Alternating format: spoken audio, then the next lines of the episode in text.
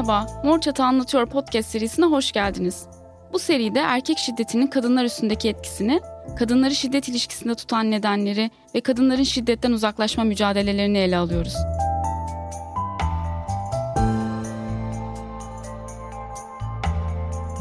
Şiddet, fiziksel ve ruhsal sınırları yıkarak müthiş bir kontrolsüzlük ve çaresizlik hissine yol açar, temel güven ve güvenlik hissimizi sarsar. Bizi yalnızlık, yabancılık, herkesten farklı olma hissi, kimsenin bizi anlayamayacağı hissi, utanç ve suçluluk gibi hislerle baş başa bırakır.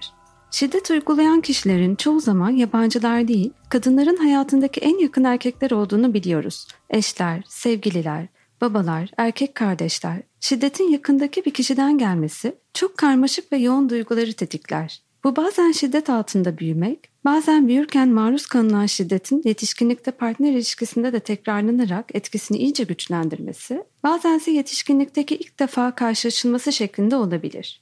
Her durumda şiddet uygulayan biriyle yaşamak, insanın kendisine, başkalarına ve içinde yaşadığı dünyaya dair en temel hislerini dönüştürür ve zedeler. Ailemizden veya partnerimizden şiddet görmek demek, aynı zamanda en yakınımızdan ve güvenmemiz gereken kişilerden şiddet görmek demektir. Dolayısıyla da güvenin kötüye kullanımını içerir ve sadece şiddet uygulayan kişiyle ilişkiyi değil, her tür ilişkiyi etkiler. Mesela çocukluktaki şiddeti düşündüğümüzde çocuğu koruyup kollaması gereken kişinin kendisi faildir. Çocuğa aynı zamanda bakım veriyor, ilgi, sevgi gösteriyor olabilir. Benzer şekilde özellikle zorla evlendirme söz konusu değilse eş ve sevgili ilişkilerinde de sadece kötü günler yoktur. Bunların şiddetle dönüşümlü olarak yaşanması çok akıl karıştırıcı olur. Çünkü fail sadece fail değil, yani sadece kötü değil, bazen iyi, bazen kötü olandır. Bu durum sanki şiddetin bitmesini sağlamak, onun hep iyi olmasını sağlamak, kişinin kendi davranışlarını değiştirmesiyle mümkünmüş gibi bir his yaratabilir. Bu hem sahte bir umut yaratır hem de şiddet patlak verdiğinde bunu durduramamış olduğunu hissetmenin getirdiği suçluluk yoğun olabilir. Yakın bir ilişki içinde şiddete uğramak demek, bu ister aileden ister partnerden gelen şiddet olsun, aynı zamanda daimi bir baskıcı kontrol altında yaşamak demektir. Bu durumda çoğu zaman karar hakkı elimizden alınmıştır. Çocukluğun ilk dönemlerinden itibaren bağımsızlık, kontrol, kendine yetebilme hislerinin arka yüzünde utanç ve şüphe vardır. Sürekli kontrol altında yaşayan, kendi becerilerini geliştirmesine imkan tanınmayan çocuklar utanç ve şüpheye sürüklenir, kendilerine ve becerilerine güvenemez, yetersiz hissederler. Yetişkinlikte de bu hislerin baltalanması bizi benzer hislere sürükler. Kendimize dair en temel konularda bile karar alanımız kısıtlandığında müthiş bir şüpheye ve utanca sürükleniriz. Her şeyimizin kontrol altında tutulduğu, her şeye başkalarının karar verdiği bir durumda kendimizden şüphe etmeye başlarız. Kendi gücümüzden, becerimizden, muhakememizden, kararlarımızdan, Şiddet uygulayanlar da çoğu zaman kontrolcü davranışlarını sen kendin için en doğrusunu bilmiyorsun. Ben bizim için, senin için en iyisini düşünüyorum. Sen hep yanlış kararlar veriyorsun gibi sözlerle meşrulaştırarak bu şüpheyi pekiştirir. Şiddetin görünmez biçimleri bu tür suçlamaları içselleştirmeyi kolaylaştırır. Psikolojik şiddet, fail yakın bir kişi olduğunda kadının en derin korkularını hedef alır. Şiddeti uygulayan kişi ne kadar yakınsa kadını, hassas noktalarını, korkularını da o kadar iyi tanır ve bunları hedef alarak kadını güçsüzleştirmeyi, kendine bağlı hatta bağımlı kılmayı hedefler. Üstelik yaralayıcı sözler ne kadar yakın birinden gelirlerse o kadar yaralayıcı olurlar. Aile veya partner ilişkisinde şiddetten uzaklaşmayı en zorlaştıran şeylerden birisi, ilişkilerin sadece kötü anlardan ve duygulardan ibaret olmaması, iyi de barındırmasıdır. İyi zamanların, iyi duyguların paylaşıldığı, duygusal yakınlık kurulan birinden gelen yarayıcı söz ve davranışların etkisi daha da kuvvetli olur. Pek çok zaman şiddet doğrudan kadının ruhsallığına hedef alır. Sen iyi değilsin, sen delisin, sen hastasın, tedavi ihtiyacın var. Bunlar hem şiddete gerekçe gösterilir hem de akıl karıştırıcılığı ile şiddetten uzaklaşmayı zorlaştırır. Çünkü sorunun bizde olduğunu düşünürsek, ilişkimizi bitirsek bile aynı sorunları yaşamaya devam edeceğimize, şiddetten uzaklaşamayacağımıza inanabiliriz.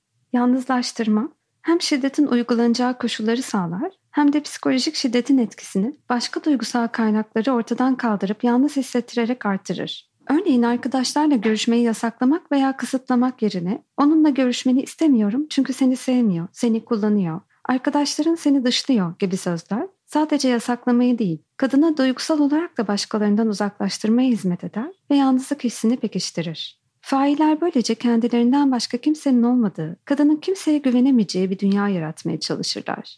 Bu durumda partnerin sözleri de doğrulanmış gibi hissedilir. Üstelik manipülasyon içeren yöntemlerin adını şiddet olarak koymak çoğu zaman daha zordur. Aileni görmeni istemiyorum çünkü senin kalbini kırdılar. Bu meslek sana uygun değil gibi işini bıraksan mı? Sen bu işlerden çok anlamıyorsun ben sana yardım edeyim. Kadını arkadaşlarından, ailesinden, destek kaynaklarından uzaklaştırmayı, eğitimiyle, mesleğiyle, işiyle bağlantısını koparmayı, pek çok alanda yapabileceği şeyleri aslında yapamazmış gibi hissettirmeyi ve bağımsızlık ve kendine yetme hissini temelden sarsmayı hedefleyen bu tür sözler, görünürde yasaklayıcı değil yardımsever oldukları için daha etkili olurlar ve bunları içselleştirmek daha kolaydır. Bunlar zamanla inceden inceye işlenir ve bazen nasıl olduğunu bile anlamadan bir kadın kendini yalnızlaşmış, hayatın pek çok alanından uzaklaşmış bulabilir. Bu sadece fiziksel olarak yalnızlaştırarak, uzaklaştırarak değil, duygusal olarak uzaklaştırarak, soğutarak, kadının başkaları tarafından sevilmediğini hissettirerek de olur. Bütün ilişkiler, her türden önemli bağ ve bağlılık koparılmaya çalışılır. Kıymetli eşyalara, anılara, aile yadigarlarına, fotoğraflara, evcil hayvanlara zarar vermek, bu bağları kopararak yalnızlaştırma amacı güder. Bu durumda şiddet karşısında kaynaklardan uzak olmak, şiddetten korunmayı ve uzaklaştırmayı da zorlaştırır. Yalnızlık, şiddeti uygulayan kişi yakından biri olduğunda, bazen failden başka iletişim kuracak kimsenin kalmaması anlamına gelir. Zamanla failin sesi tek ses olmaya başlar, başka sesleri duymak zorlaşabilir. Psikolojik şiddet bu durumlarda çok etkili olur. Çünkü kadının kendisiyle ilgili duyduğu sözler artık failinkilerden ibarettir. Bu yüzden de sosyal desteği korumak çok önemlidir. Şiddete uğramış pek çok kadın ayrılma sürecinde sosyal desteğin ve dayanışmanın öneminden bahseder. Arkadaşların, iş arkadaşlarının, destekliyorlarsa aile üyelerinin ve dayanışma gösteren başka kadınların önemi büyüktür. Tüm bu kişiler şiddeti uygulayan kişinin sesine karşı başka bir ses olurlar. Şiddetten korunmak veya uzaklaşmak demek sadece fiziksel olarak şiddet uygulayan kişiden uzaklaşmak demek değildir. Bu kişiyle ve uyguladığı şiddetle araya duygusal bir mesafe koymak, bunun getirdiği utanç ve suçluluk hislerinden uzaklaşmak da demek olabilir. Bazen bir kadın şiddete uğradığı ilişkinin içinde kalmayı pek çok farklı sebepten seçebilir. Fakat uğradığı şiddetle arasına duygusal bir mesafe koyabilir ve bunun karşısında kendisini daha güçlü hissedebilir. Şiddet karşısında yeniden güçlü hissetmek için kontrolü geri kazanma hissinin yeri büyüktür. Bir kadın için bazen kimsenin görmediği bir tutam saçı istediği renge boyamak bile kontrolü kazanmanın, kendini bulduğunu hissetmenin bir yolu olabilir. Böylesi bir kontrol altında yaşarken bazen içimizde bir parça ölmüş gibi, bazense tümden cansızmışız gibi hissedebiliriz. Bedenimiz ve hayatımızın en ufak alanında kazandığımız kontrol bile bizi canlandırabilir, yeniden harekete geçirebilir ve güçlendirebilir. Pek çok şiddetten uzaklaşma hikayesi dışarıdan ufak görünen fakat güç veren adımlarla başlar. Aynı sebeplerle şiddete uğrayan bir kadınla dayanışma kurarken onun kararlarına ve fikirlerine alan açmak çok önemlidir. Kadın adına neyin iyi veya doğru olduğunu dikte eden tutumlar şiddet döngüsünün bir tekrarı gibi yaşanabilir. Üstelik şiddeti durduramadığını veya şiddet uygulayan kişiden uzaklaşamadığını hissetmek de utanç hissine yol açabilir. Kimlerin şiddete uğradığı ile ilgili toplumda yaygın bir şekilde benimsenen mitler vardır. Şiddet uygulamanın veya şiddete uğramanın eğitim seviyesi, gelir seviyesi, meslek, sosyoekonomik statüyle açıklanabileceği fikirleri yaygındır.